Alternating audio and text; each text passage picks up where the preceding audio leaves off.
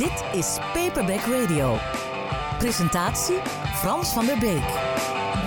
In deze aflevering van Paperback Radio eh, is de gast Tim van der Veer. En eh, hij heeft een prachtig boek geschreven, dat heet Buiten Bereik. Dat is in ieder geval een titel die eh, intrigeert, want wat zou dat buiten bereik zijn, denk je dan? Maar daar komen we zo achter. Ehm, ik heb het boek gelezen en ik was zeer aangenaam verrast, moet ik zeggen. Ik, vond het, ik, ik heb het met zeer veel smaak gelezen. Alleen eh, toen, het, toen ik het uit had, toen werd ik diep teleurgesteld. Want eh, je, kijkt, Oh jee. je kijkt met grote ogen naar me. Eh, maar toen las ik, dit boek is fictie. En toen dacht ik, want ik heb zo met je meegeleefd in dit boek. Ik dacht, die, die Tim van de Veer, dat is een man met een, met een goed hart en een veel empathie ehm, enzovoort. En toen dacht ik, dat heeft hij allemaal verzonnen. Misschien is hij wel helemaal niet zo. Nou, dat is, dat is ten dele waar Ah. eh, dat ik het verzonnen heb. Eh, eigenlijk is het voor een grotendeel waar gebeurd. Eigenlijk kun je zeggen Nou, dat, dat is een hele dat geruststelling. is een geruststelling, Ja. inderdaad. Eh, maar ik vond het toch nodig om het fictie te noemen, omdat bijvoorbeeld ja, in dit boek, hè, wat, wat, eh, daar komen we zo vast wel op, gaat ook over mijn vader Ja. en wat hij allemaal heeft meegemaakt. Ja. Ja, daar was natuurlijk heel weinig informatie van over. De man is sinds gisteren 20 jaar dood. Ah. Eh, en ehm, nou, dat, is, eh, dat is alweer een tijd geleden. En de, en de verhalen over hem, die, die dateren van, nou wat is het, eh, 1947 tot 1955. Dus ja, ik moest het reconstrueren. ja. Dus eigenlijk is het een soort van autobiografische fictie. eh, Oh, maar het is echt, echt allemaal waar gebeurd. Oh, gelukkig maar. Ja. Want, eh, eh, het fascinerende van het boek vond ik dat je... ehm, nou, laten we even vertellen waar het over gaat. Ehm, je schrijft in feite een hele lange brief aan je zoon. Dat klopt. En die heb je ook. Ja, zeker. Maar ik moet nu even checken wat nou waar is en wat Nee, het is absoluut waar. Ja. Zal ik vertellen hoe het is gekomen? Heel graag. Ja, een paar jaar geleden eh, had ik me ingeschreven voor een hele grote hardloopwedstrijd. De Ja. Zugspitz Ultra Trail. Die gaat door de bergen, die is 100 kilometer lang. Je klimt er ook heel veel bij. Nou, eh, dat is niet niks. eh, en, maar ik had die al eerder geprobeerd en dat was mislukt. Ja. Nou, door kou was ik toen uitgestapt. dus ik had me opnieuw ingeschreven met het idee, nu ga ik het wel redden. Daar had ik niet zo heel veel zin in eigenlijk, maar ik wilde het toch goed proberen te maken. Ik naar buiten, was slecht weer, het regende en ik rende buiten. En toen zag ik mijn zoon. En die was aan het skaten, die is net zoals ik. Die verdwijnt op een gegeven moment en die gaat naar buiten en die slaat de deur achter zich in. En die komt op een gegeven moment wel weer terug. Toen zag ik hem en hij vloog me om de hals en hij zei... Papa, ik weet dat je deze wedstrijd voor mij loopt. Ik wil dat je hem voor mij loopt. Nou ja, toen was het menens, toen moest Ja. ik het ook echt doen. Maar ja, er was meer aan de hand. Het ging niet goed met hem. Eh, hij valt, zoals je kunt zeggen, buiten de sociale norm. Ehm, en toen ik thuis kwam, toen zei mijn vrouw ook tegen mij van... Goh, je kunt wel wat meer voor hem doen. Misschien moet je vertellen wie jullie zijn. En wie, wie je vader was, wie jij bent en wie hij zelf is. Om hem moed te geven voor het leven. En zo is het boek tot stand gekomen. Eh, het is dus een verzameling verhalen die, eh, die bedoeld zijn om, om, ja, om te duiden wie wij zijn en, en waarom we er misschien toe doen. En, eh, en om, eh, om hem moed te geven. Want jouw zoon is autistisch. Of, Nou ja, ik- heeft- ik- eh, dat is de, de conclusie die ik heb getrokken. Eh, ja, nou ja, ik, ik probeer eigenlijk een beetje te vermijden om een label te plakken. Ja. Eh, maar het heeft zeker met dat spectrum te maken. Er zijn wel meer dingen aan de hand met hem. Eh, maar zeker ook dat spectrum heeft er zeker mee te maken. Dus hij, het is een neurodiverse jongen, zoals we zo kunnen zeggen. En dat geldt voor mijzelf ook. En ik vermoed ook voor mijn vader, eh, nu ik zo terugkijk in de geschiedenis. Eh, Een erfelijke gen. ja, ik, ja eh, op het moment eh, dat het bij mijn zoon eh, werd vastgesteld, zat ik met mijn vrouw bij de therapeut in de kamer. En de gezichten draaiden meteen naar mij allebei. van oké, ja, we zien er ook wel wat van jou in. Dus ja, dat hoogstwaarschijnlijk erfelijk. Ja, ja. Heb je één zoon? Nee, ik heb er twee. Twee. Ja. Ja. En die andere? Nee, die, die, eh, het zijn allebei fantastische jongens. Ze zijn uitermate intelligent, eh, maar ze zijn ook behoorlijk eh, speciaal. En, eh, en ehm, ja, dus ik ben gezegend met twee fantastische creatieve jongens. Ja. Ja, in. Het, in het boek heet jouw zoon Misha. Ja. En het is inderdaad een hele bijzondere jongen. Want ik, maar wat mij opviel is de manier waarop je ermee omgaat.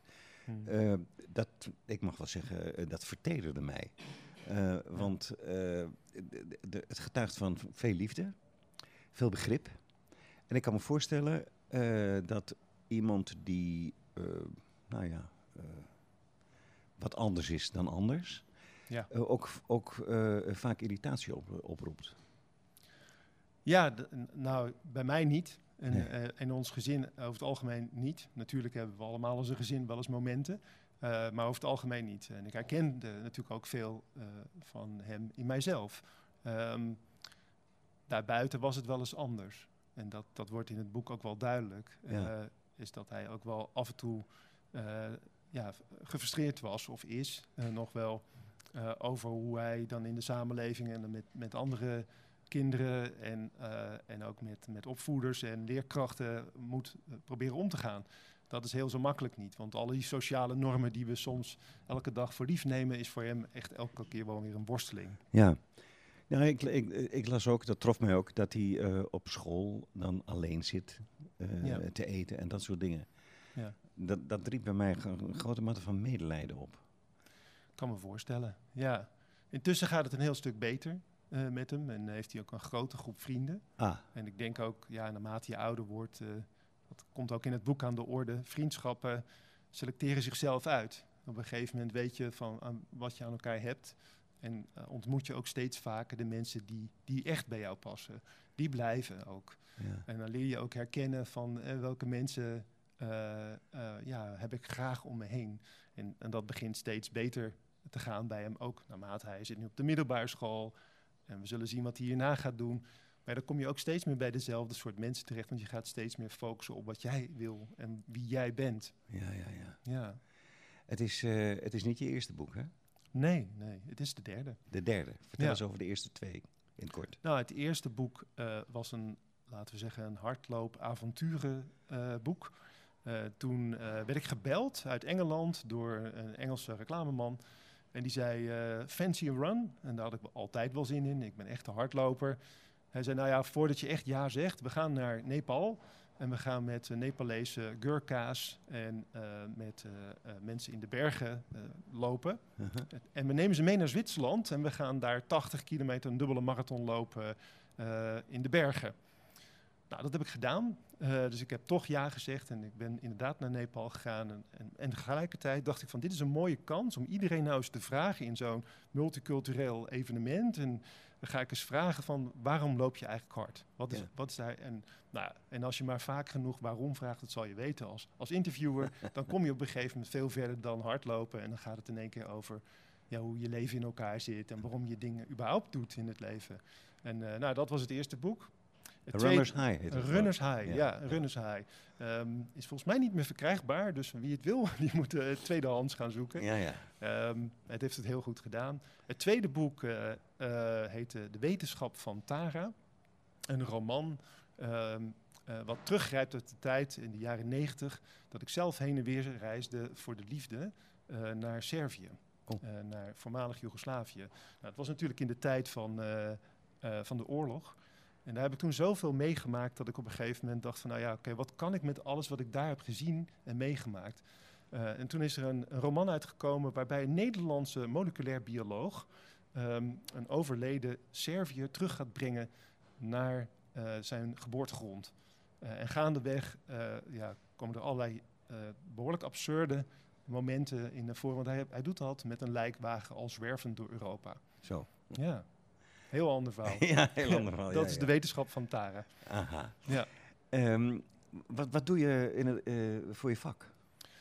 Nou, ik eh, ben op dit moment eh, docent communicatie aan de Hogeschool Utrecht. Ah. En ik heb altijd in het communicatievak gewerkt. Hiervoor, eigenlijk ben net overgestapt, werkte ik als hoofdcommunicatie bij Oxfam International, Oh ja, grote ontwikkelingsorganisatie. Ja. Oh, dus ik ben echt oké. een communicatieman. juist ja. Ja.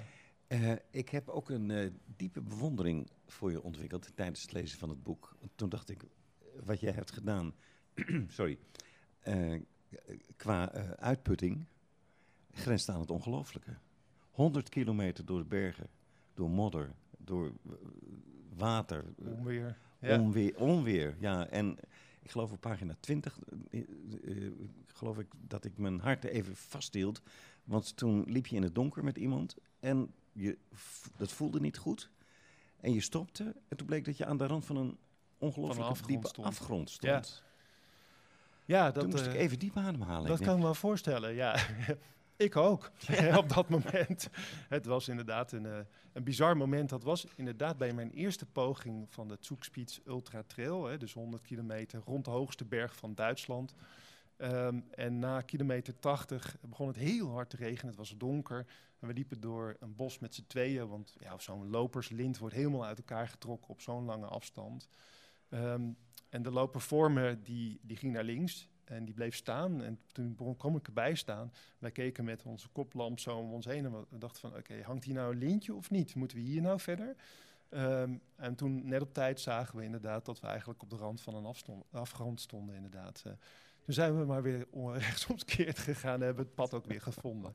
Ja, dat gebeurt niet heel vaak overigens. Maar nee, maar het geeft wel aan dat het een, eh, toch levensgevaarlijke eh, expeditie is. Nou, het, het is niet een expeditie zonder gevaren. Maar goed, ehm, het is ook zo. Hè, dus ik, ik doe dat al heel lang. En eh, je, je kunt je ook trainen op situaties. En die situatie bijvoorbeeld dat ik onderkoeld was geraakt. En, ehm, en op dat moment niet realiseerde dat ik allemaal eh, kleren bij me had die ik nog aan had kunnen doen. Dat overkomt me niet meer. Want Nee, daar leer je dan weer van. En daarnaast is het zo dat we ook wel, ja, ik train daar ook gewoon eh, wel maandenlang voor, qua uithoudingsvermogen, inclusief met, eh, met de bepakking bij me enzovoort. Ja. Dus het is ook een kwestie van mentale en vooral ook fysieke voorbereiding, dat je weet wat je doet. Ja, het lijkt mij een onmogelijke opgave. Ik bedoel, Ja. 100 kilometer. Nou ja, goed, twintig jaar geleden had ik ook niet gedacht dat ik dat zou doen. Maar eh, je groeit erin, zeg maar. Ja. Ja. Ja. En wat, wat, je gaat kapot natuurlijk, hè? neem ik aan.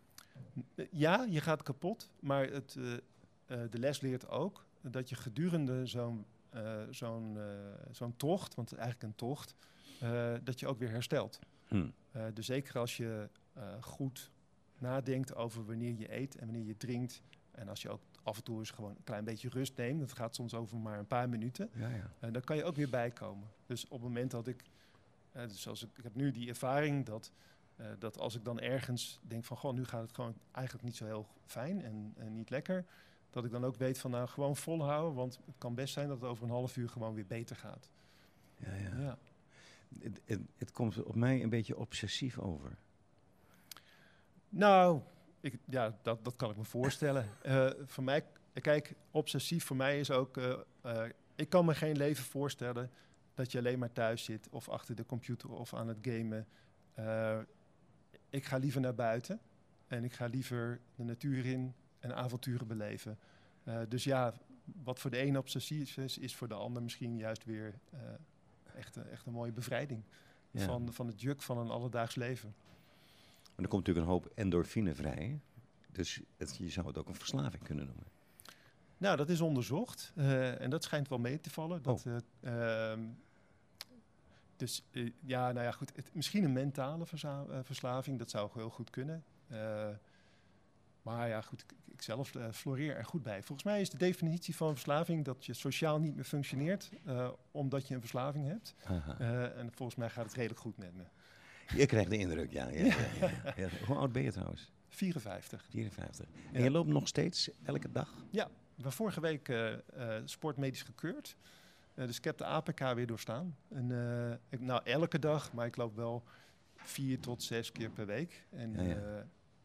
regelmatige, hele lange afstanden. Maar dat is echt niet elke dag natuurlijk. Hè. Nee, nee, nee. Zo'n avontuur, wat ook aan de orde komt in het boek, buiten bereik.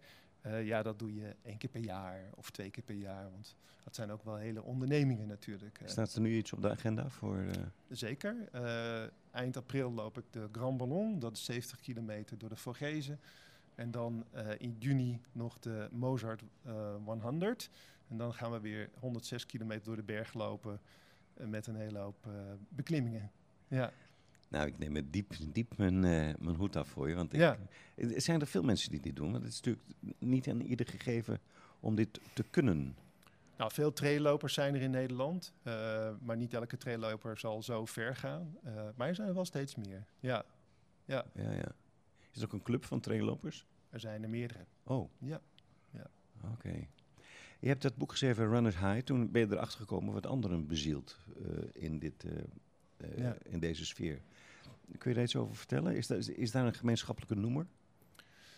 Nou, de, uh, het verschilt natuurlijk per persoon, want geen mens is helemaal hetzelfde. Uh, maar het, het, mooie wat me wel opviel, is dat door alle culturen en door alle leeftijden en nou ja, diversiteit aan mensen heen, is dat over het algemeen, dus onder de streep, mensen niet lopen voor de prestatie.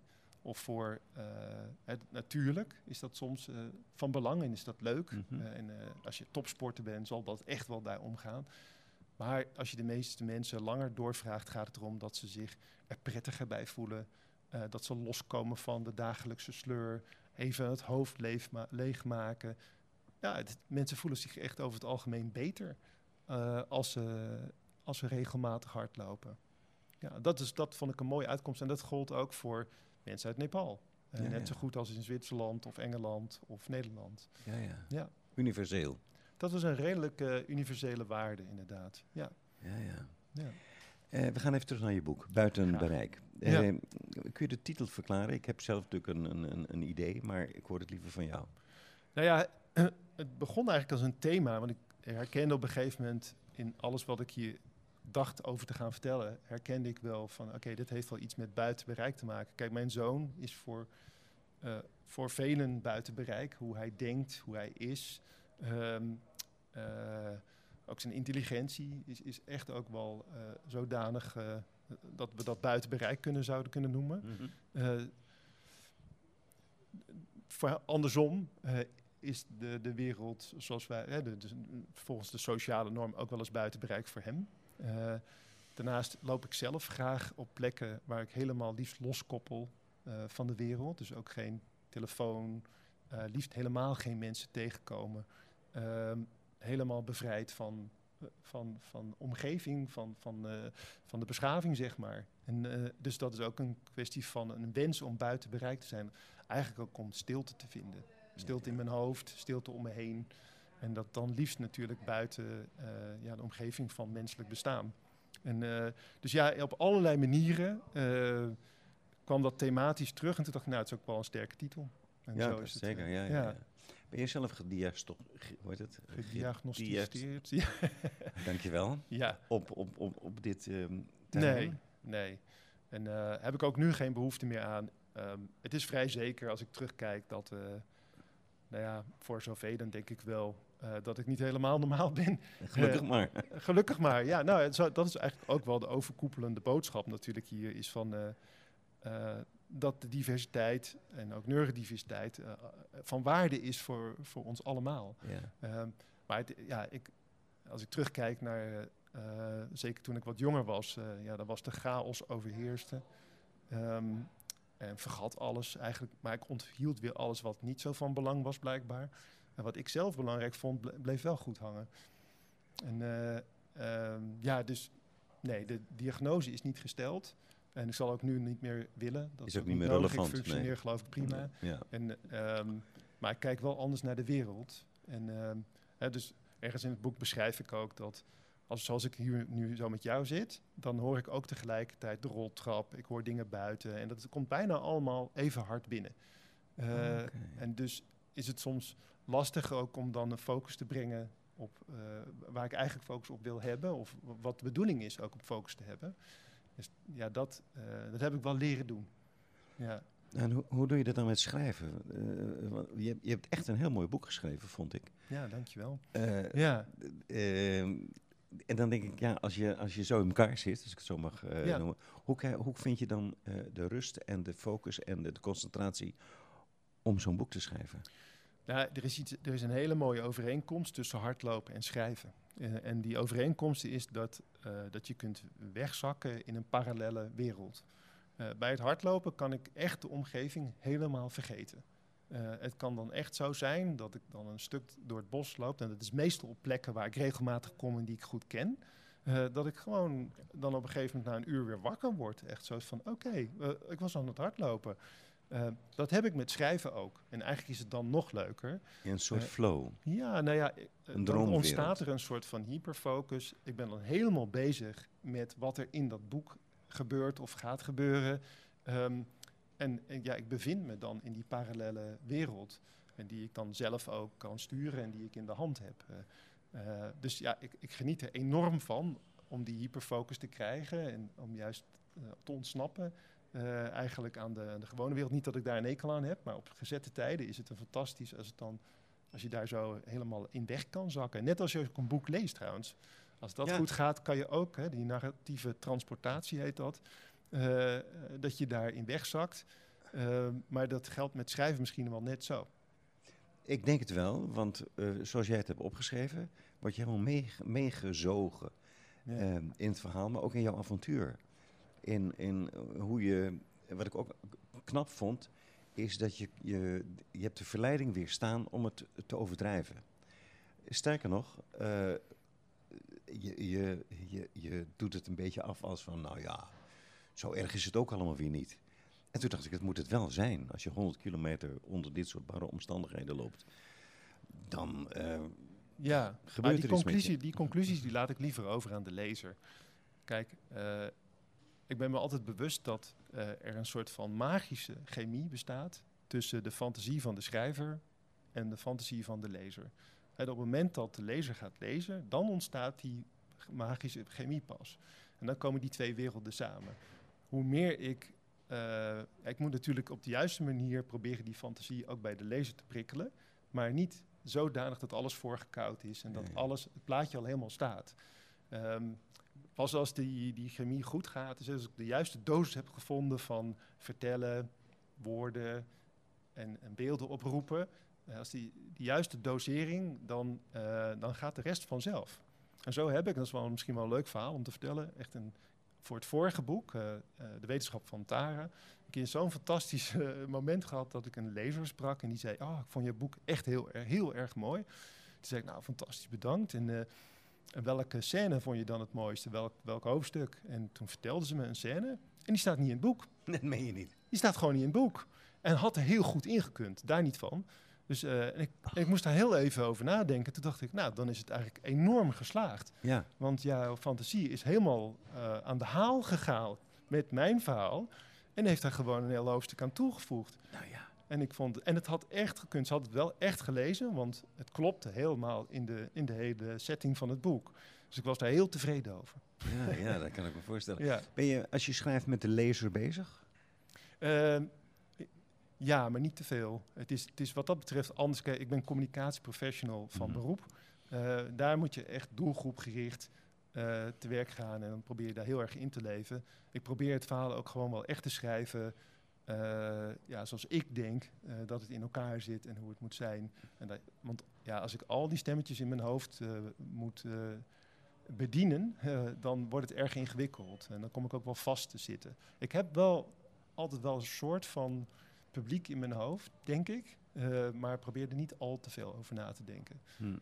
Ja. Krijg je reacties van, afgezien van die mevrouw die het eigen hoofdstuk heeft ingevuld, uh, krijg je meer reacties van mensen? Van nou, over, over dit boek, Buiten Bereik, heb ik de meeste reacties ooit gehad. Ik krijg altijd wel reacties en dat, dat is heel leuk. Uh, vooral als het persoonlijke reacties zijn, is echt het allerleukste natuurlijk.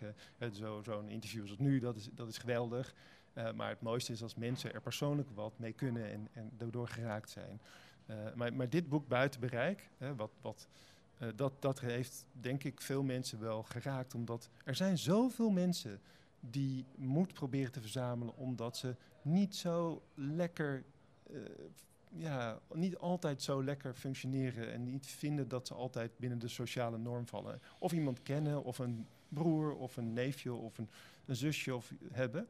Uh, en ik heb heel veel hele lange gesprekken naar aanleiding van dit boek gehad met mensen die gewoon ook eens uh, daarover willen spreken. En want er zijn heel veel zelfhulpboeken. En, die, en die, dat is heel goed dat die er zijn. Uh, maar er zijn weinig boeken die gewoon over het menselijke verhaal gaan. Wat betekent dat dan? Uh, en um, Abdelkader Benali, andere schrijver, goede vriend, die zei ook een keer: verhalen vermenselijken. En, eh, en dat is wat ik wel gemerkt heb, dat, dat dit boek, hè, Buiten Bereik, het, het idee van ja, buiten de sociale norm vallen, eh, dat, dat, het, dat het het menselijker maakt dat het, en dat je het begrip eh, kweekt. Dat, daar ben je zeker in geslaagd. Ja, hoop ik In ieder, geval, ja. in ieder geval bij mij. ja, mooi.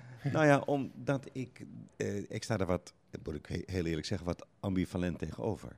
Tuurlijk. En het- jij hebt bij mij een, een snaar geraakt in die zin dat ik begrip kreeg voor eh, mensen die eh, sociaal misschien niet helemaal eh, eh, mee kunnen.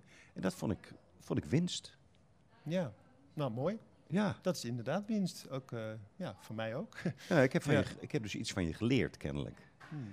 Maar had je, heb je een, soort- jouw lezers zijn, ja, je weet natuurlijk niet wie ze zijn, maar zijn dat, eh, ik kan me voorstellen dat het hardlopers zijn, die, die zich daarin eh, Ja. kunnen vinden.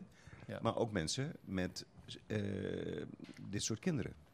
Ja, dat, eh, ja, inderdaad. En kijk, en hardlopers zijn ook niet alleen maar hardlopers. Eh, Dat zijn ook mensen die een baan hebben en een, gezin of eh, op andere manieren mensen. samenleven. En, eh, dus ja, wat dat betreft is het heel divers.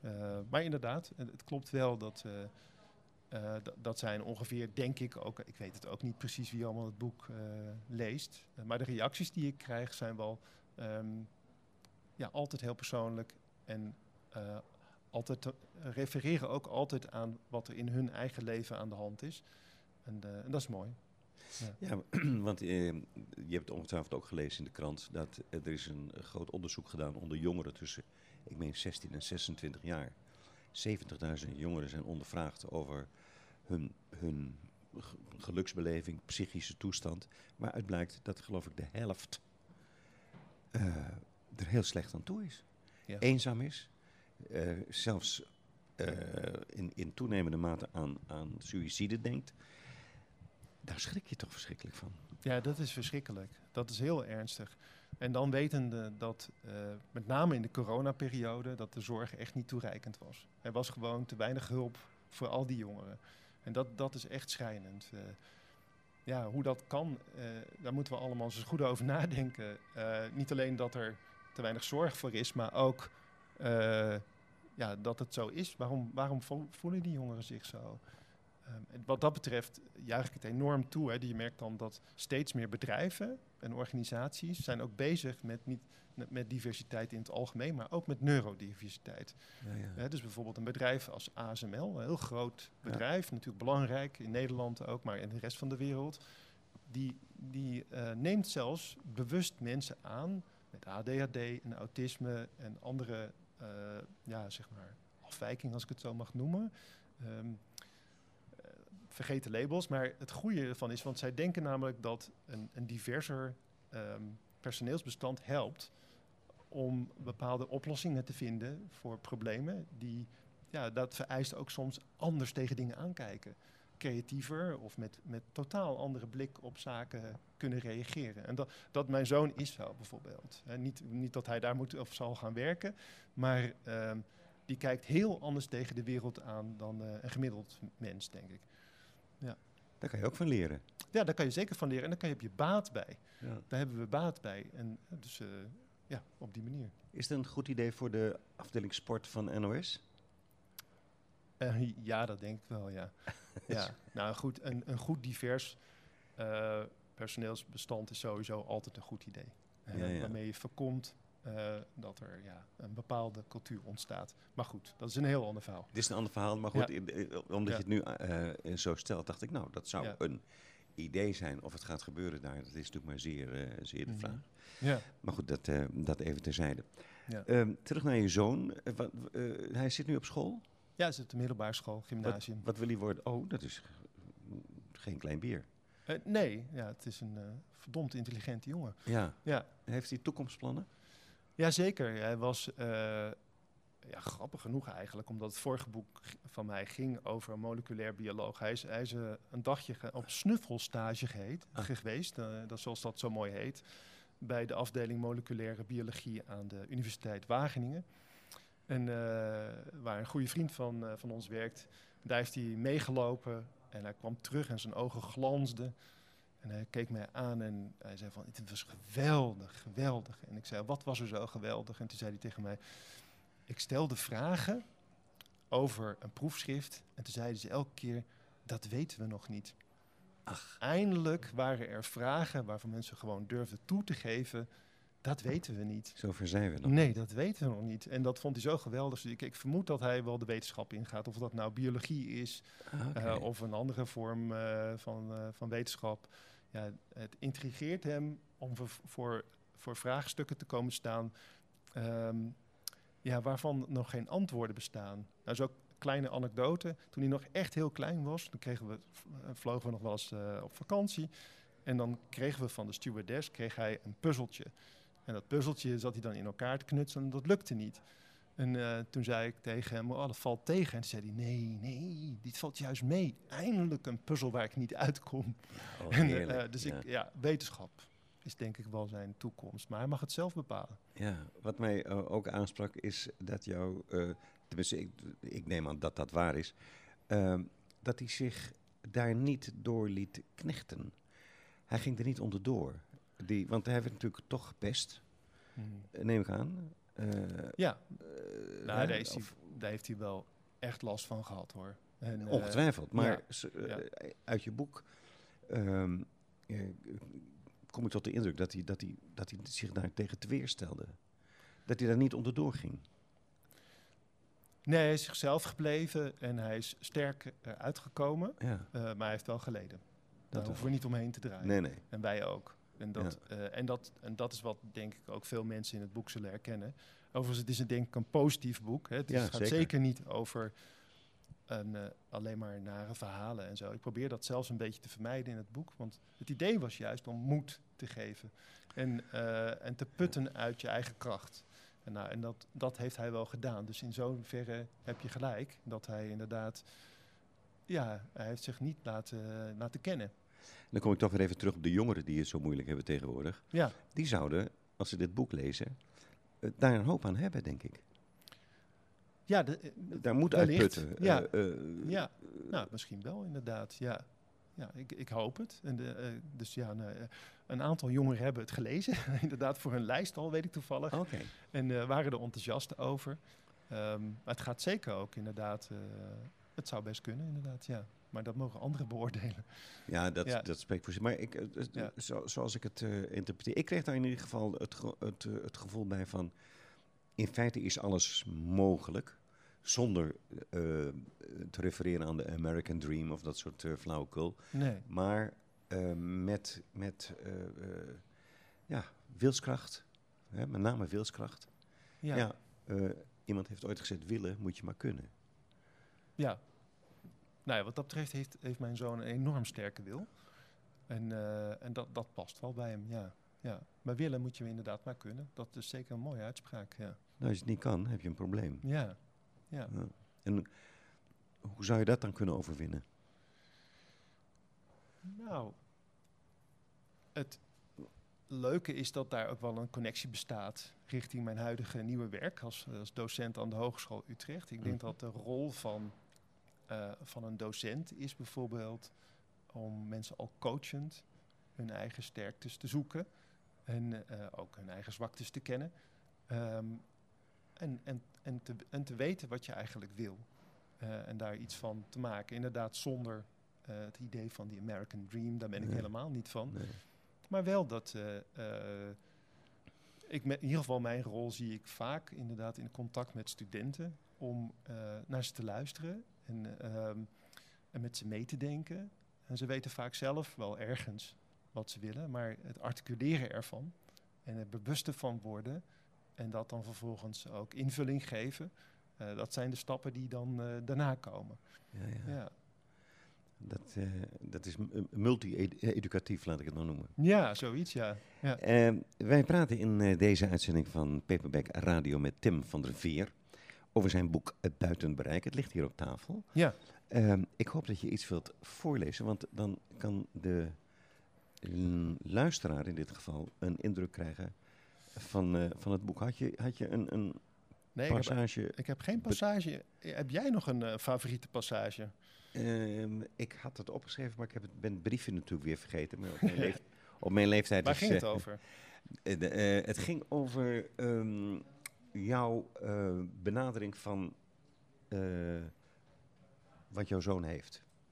Daar, dat, dat, dat, dat intrigeerde mij. De, de manier waarop je daarmee omging. Ik weet alleen niet wat staat.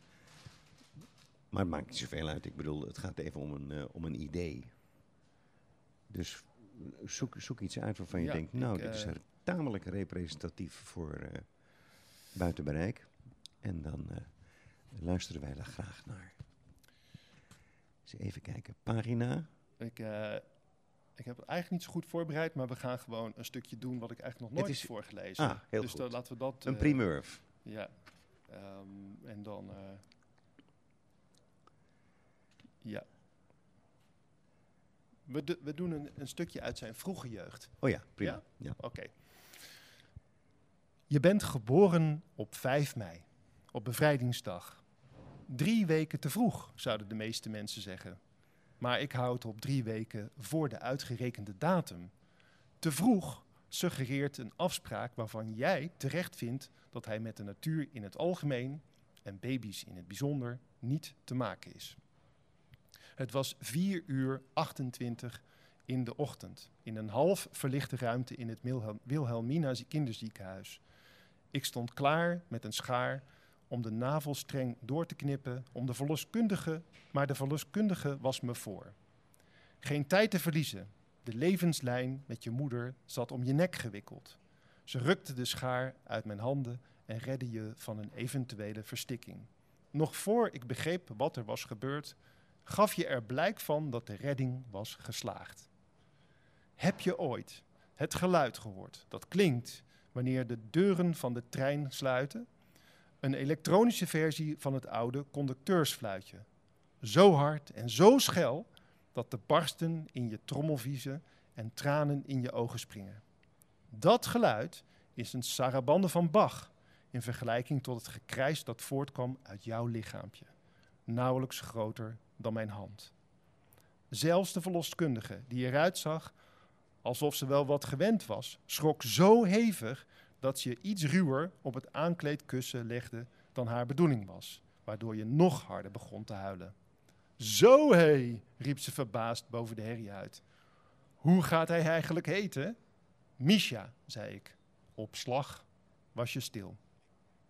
Laat ik maar meteen zeggen dat ik zou willen dat ik altijd zo'n rustgevende werking op je had gehad, zoals in de vroege ochtend van bevrijdingsdag 2007.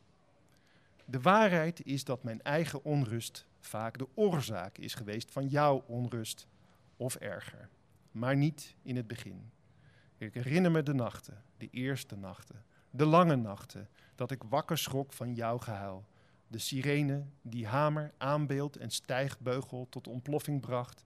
En vervolgens een schokgolf veroorzaakte door het centrale zenuwstelsel, waardoor je moeder en ik met bonkende harten rechtop in bed zaten.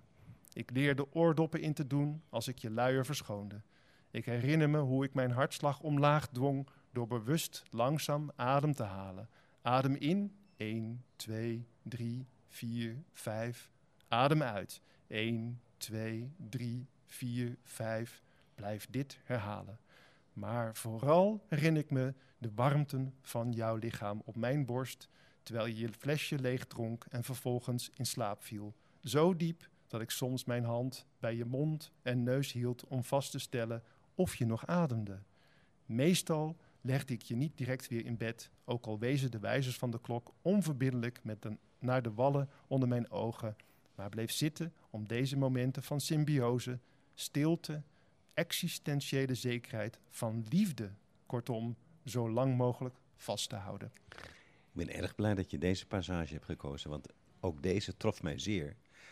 Omdat ik dacht, ehm, als een kind zo schreeuwt, eh, dan moet je ook over heel veel liefde, maar ook over heel veel zelfbeheersing beschikken. En dat vond ik eh, aangrijpend. Ja, ik kan me voorstellen, maar ik, ik kan me ook voorstellen dat dit wederom zo'n universele waarheid is. Die geldt voor heel veel ouders Ja, en eigenlijk ook wel voor heel veel mensen als het gaat om kinderen.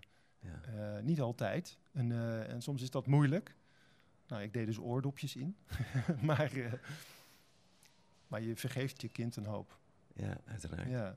Ja. En zo'n schreeuw is ook een schreeuw om aandacht. En op het moment dat ik dan sprak, en dat is echt gebeurd bij zijn geboorte, dat hij stil werd, zegt ook wel iets over de band die meteen ontstaat tussen een kind en zijn ouders. Mm, mm, mm, En nogmaals, hè, eh, dit gaat niet alleen over ouders en kinderen, dit gaat over mensen in het algemeen, in al hun diversiteit. Maar eh, ja, het gaat hier ook over liefde voor elkaar. mm. Ja, het is, ook, het is ook een soort familiegeschiedenis. Hè? Want Ja. je hebt het ook over je vader en het voorgeslacht eh, daarvoor.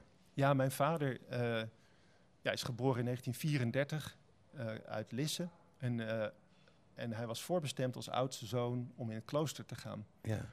En over die Dat, episode... wil, wi- dat wilde eh, eh, Nee, zijn moeder graag. dat wilde zijn moeder heel erg graag. Die Ja. diepgelovig was. Waren allemaal diepgelovig, maar zij nog het meest. Ja. En ze had ook een afspraak met meneer Pastoor gemaakt dat het ging gebeuren. En ehm, tegen de zin van mijn vader in, wat hij op, zich, op dat moment zich niet realiseerde, misschien. Eh, hij is gegaan en uit, op zijn veertiende is hij naar het internaat gegaan. En ik wist eigenlijk niet zo heel veel daarvan. En eh, dus het was voor mij ook, dit boek schrijven was ook een zoektocht van wat is daar precies gebeurd. Ja. En, eh, ehm, en hoe, hoe is hij daar eigenlijk uit ontsnapt? Want het is ook een verhaal van overwinning. Ja. Iets wat hij niet wilde, iets wat voor hem was opgezet. Eh, uit die banden heeft hij zich weten los te Hij, frikken. kwam, hij kwam terecht in de Dominicaner orde. Ja. Voelde zich daar toch heel erg thuis. Alleen, ehm, ja, mogen we dit verklappen? Ja, mag wel hè. Ehm, eh, op een gegeven moment wordt hij ziek en wordt hij verzorgd door een zuster met prachtige blauwe ogen. Nou, de zou niet al te vertellen, te vertellen daarover. Nee, nee, nee. nee. Nee, Oké, dan laten we het Ja, hierbij. Laten ja. we het hierbij. Ja. Maar goed, ook dat was een, een, een, een, een, vond ik een hele bijzondere scène. Dat kan me Eh, voorstellen. Het is ook het is waar gebeurd allemaal. En, Dat eh, wel. Ik heb, ja, want ik heb het geluk gehad en dat was heel bijzonder om. ehm, ja, kijk, dit speelt heel lang geleden, maar ik heb eh, gelukkig mensen kunnen vinden, zoals mijn ooms en mijn tantes en ook eh, vrienden van uit die tijd, dus ook de andere Dominicanen. Eh, die heb ik nog kunnen spreken om te vragen wat er in die tijd is gebeurd. Om zelf ook te achterhalen van, ja, wat was er nou precies met mijn vader? Want het had wel impact op hem gehad. Ja. En ehm, het mooie was dat ik dan steeds binnenkwam en zei van nou, ik, kom vragen wat er met mijn vader in die tijd is gebeurd. En dan zei nou, dat is zo lang geleden, Tim, dat weten we helemaal niet meer. En dan ging ik vier uur later weg. En dan waren die mensen helemaal vergeten welke tijd ze überhaupt nog leefden. Ehm, we zonken gewoon samen weg in de geschiedenis en hebben die verhalen weer naar boven gehaald. Ik heb ze afgestopt en geprobeerd ze zo goed mogelijk weer te vertellen. Ja. Ehm, want ze zijn nog steeds relevant. Ja. Het heeft ons ook getekend. Het heeft, denk, eh, ja, we zijn eigenlijk niet zo lang geleden ontzeild in Nederland. En, eh, en dit was precies de periode na de oorlog waar dat langzaam maar zeker op gang kwam. Ja, ja, ja, ja. ja. Eh, jouw, jouw vader was, die kwam uit de, uit de hè? Ja, uit Lisse. En heb je daar zelf ook roots? Nee, nee. eh, eh, ik ben eh, geboren in Heerlen en getogen in Spijkenisse. Een totaal Oh, andere ja. plek. En ik woon intussen twee derde van mijn leven in Utrecht. Oh, Oké, Ja. dus met bollen Ja. heb je niks meer te maken. ik heb weinig met bollen te maken. Nee, Nee. nee. Maar ik, ik weet nu wel hoe het was en hoe het, hoe het precies de geschiedenis gegaan is. inderdaad, in, die, in dat gebied. Ja. Ja, want je krijgt ook een beetje de indruk hoe het, hoe, hoe, hoe- het leven daar was. Ja, Zwaar werk. Het is heel zwaar werk, eh, maar ook erg mooi werk. En, eh, dus er zijn ook overeenkomsten tussen bijvoorbeeld mijn opa, die op de bollevelden werkte en, en de sterkste man was naar, naar eh, ieders zeggen Hm. eh, van de bollenstreek, die zo sterk was dat die mansdiep de grond kon omscheppen. Dat heet diepdelven. Mhm. Dat ging dan allemaal met de hand in die tijd nog. Maar hij hield ook echt van de natuur en van buiten zijn in zijn eentje dus. En ehm, die, eh, toch weer die zoektocht naar buitenbereik zijn, in stilte, Ja. tussen de vogeltjes. En hij, als hij de namen van de vogeltjes niet wist, dan verzon hij de namen ervoor. En eh, dan sprak hij daar met anderen over en toen zat iedereen van, geen idee waar je het over hebt. Maar het is wel mooi om jouw passie te zien. en eh, dus ja, ik denk wel dat, eh, dat dat doorgecijpeld is in de familie. Wou ik net zeggen, er zit een rode lijn, Ja, loopt er Ja. door die generaties. Nou, zeker. En daarom wilde ik dat ook vertellen. Is dat die, ja. En, en in, als je, toen ik dit boek schreef, kwam ik er ook achter van ja, hoe onherroepelijk ook een bepaalde eh, geschiedenis is. En hoe je identiteit doorwerkt door de generaties heen. Daar kom je nooit helemaal vanaf. En ehm, natuurlijk eh, veranderen dingen ook. Eh, maar er zijn ook, eh, vooral de mooie dingen, in- nu in mijn ervaring, eh, zijn dingen die mee- meegaan naar de volgende generatie. Hm. Ja, wat ook meegaat is natuurlijk eh, eh, eh, de duistere toekomst. Ja, Maak je daar wel eens druk over? zeker. Nou ja, goed, ik vertelde, ik heb twintig jaar bij Oxfam gewerkt. En ja, dat is natuurlijk bij uitstek een, een, eh, een omgeving waar je nadenkt over van hoe, hoe zorgen we ervoor dat we allemaal eh, een toekomst hebben. Ja. Eh, zonder armoede, in veiligheid, in een klimaat dat, dat duurzaam is en dat, Ja. dat voor ons allen nog, nog werkt. Daar maak ik me wel zorgen over, ja, natuurlijk. M- maar wat is het antwoord? Oh, nou, als ik dat nou eens wist. Ja, ik zou het vroeg- heel graag van je horen. Nou, ik vroeg het wel laatst aan mijn zoon. oh, Eh, en na de verkiezingen van eh, vorige week eh, Ja. vroeg ik aan hem van als jij nu de roer in handen had. Nou, toen kwam er wel een lijst eisen uit. En die waren best radicaal. En ik, ik kan ze wel even ja. een paar noemen. ja. Voor wat het waard is. Hij zei van nou oké, we stoppen in ieder geval met de in- en export van voedsel. Want die globalisering heeft ons geen goed gedaan. Dus dat is één. Twee is er komt een maximum aan wat je kunt verdienen als persoon, maar ook als bedrijf. Daar hou je je aan. Eh, en als een bedrijf te groot wordt en te veel verdient, dan wordt het automatisch gesplitst. Dus het verzamelen van kapitaal, dat is misschien niet zo'n goed idee. En eh, nou, vervolgens eh, ging die verder van...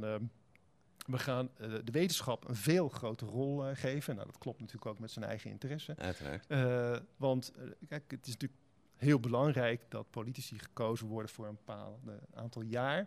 Maar die de, vier jaar is eigenlijk niks als het gaat om klimaatverandering. Nee. Dus we moeten de wetenschappers die veel langer en veel verder vooruit kijken, eh, veel meer macht geven. Nou, zo ging die nog even door.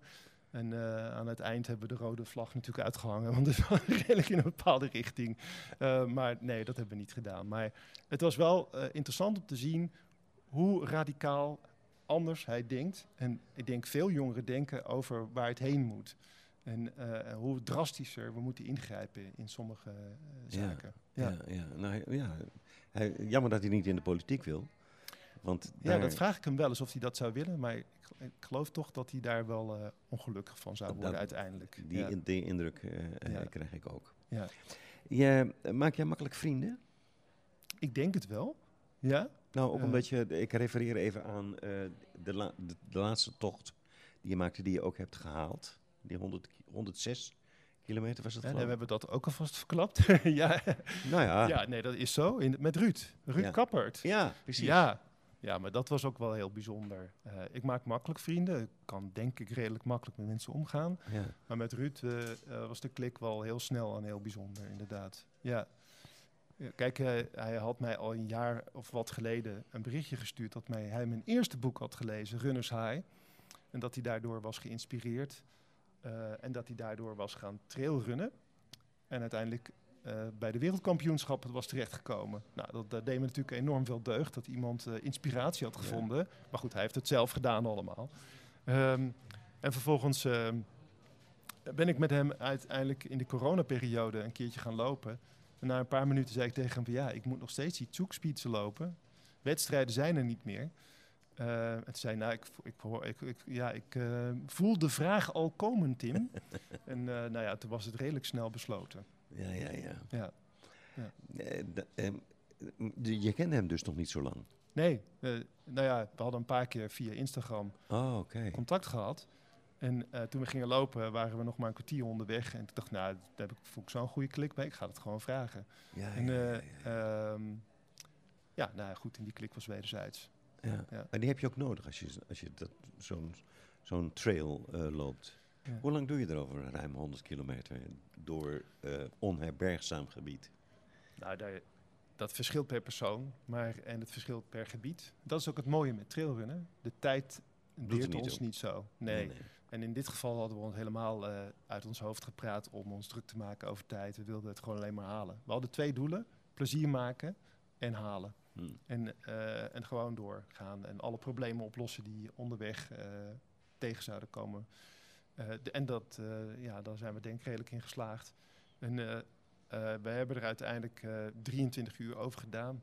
Ik denk dat we er ruim vier uur van af kunnen trekken als het binnen een organisatie van een wedstrijd ja. had gezeten. Want dan is het toch echt een stuk makkelijker. Ja. Ja, maar ja ik, ik bedoel, er staat zoveel in. Ik mag best wel iets over, eh, over het boek vertellen. Eh, wat mij dan opviel is dat, eh, dat jullie ook in een extreem chic hotel, een soort kasteel, binnenkwamen. ja. Waar je meteen... Weet je dat ik dat voorlees misschien? Heb je daar tijd voor? Of, eh, ja, nou dat, dat, wat je ja dat, wil, lukt, dat lukt nog wel even. Ja, dat, lukt nog wel? even, Ja. ja. Ja, ja. dat is echt een heel erg... dat is ook wel een favoriete scène bij veel mensen. Dat, ja, nou, het is Ja. een beetje filmisch, eh, vond ik het. Want je... Het, is wel- het is wel vrij lang, maar goed. Nou, ga je gang. Oké, ja. Nou, we zijn dan in het, we zijn dan al in het tegen het donker aan. Dat is nog goed als inleiding. We hebben er al zo'n 65 kilometer op zitten. Het schemert. We rennen over een rotspad door een dicht loofbos omhoog. Ruud voor, ik achter. Was dat een flits? Gerommel in de verte. Het begint licht te regenen. Zullen we onze regenjassen aandoen? Goed idee. Regenjassen, koplampen. Het is volledig donker geworden. We lopen alsof er niets aan de hand is, maar het onweer komt snel dichterbij. Het flitst aan één stuk door. Krakende geluidsexplosies weerkaatsen tegen de bergwanden. Plotseling breekt de hemel open. Het is alsof een zwembad boven ons hoofd is doorgeprikt. Vele liters water storten, water storten met grof geweld naar beneden.